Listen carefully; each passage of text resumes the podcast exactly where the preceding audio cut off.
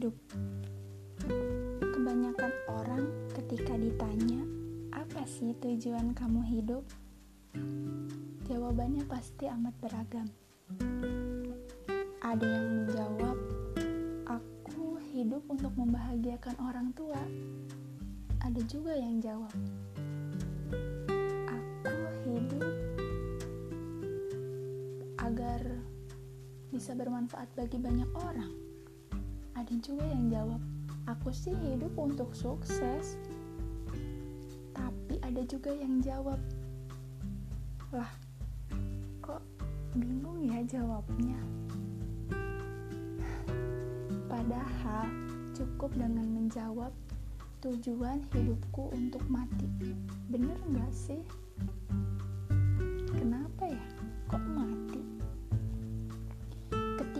tujuan hidupmu untuk mati berarti engkau akan menghargai setiap detik hidupmu karena waktu kematian datang tak akan pernah ada yang tahu bukan?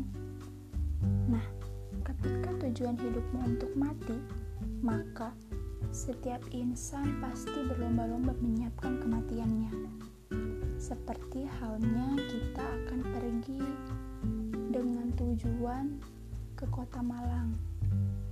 Maka akan ada banyak persiapan dan bekal untuk menuju kota tersebut. Seperti halnya kita butuh kendaraan, butuh uang, butuh pakaian, butuh obat-obatan, dan sebagainya. Sama halnya seperti hidup dengan tujuan mati. Sebelum kita menemui kematian, maka kita harus menyiapkan berbagai macam perbekalan. Yang utama adalah bekal pahala.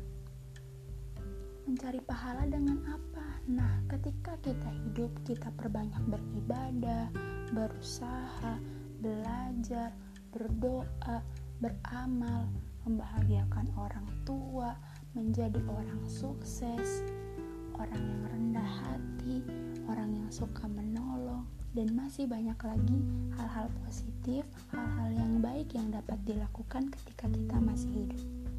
Itu untuk apa? itu untuk perbekalan kita menuju kematian.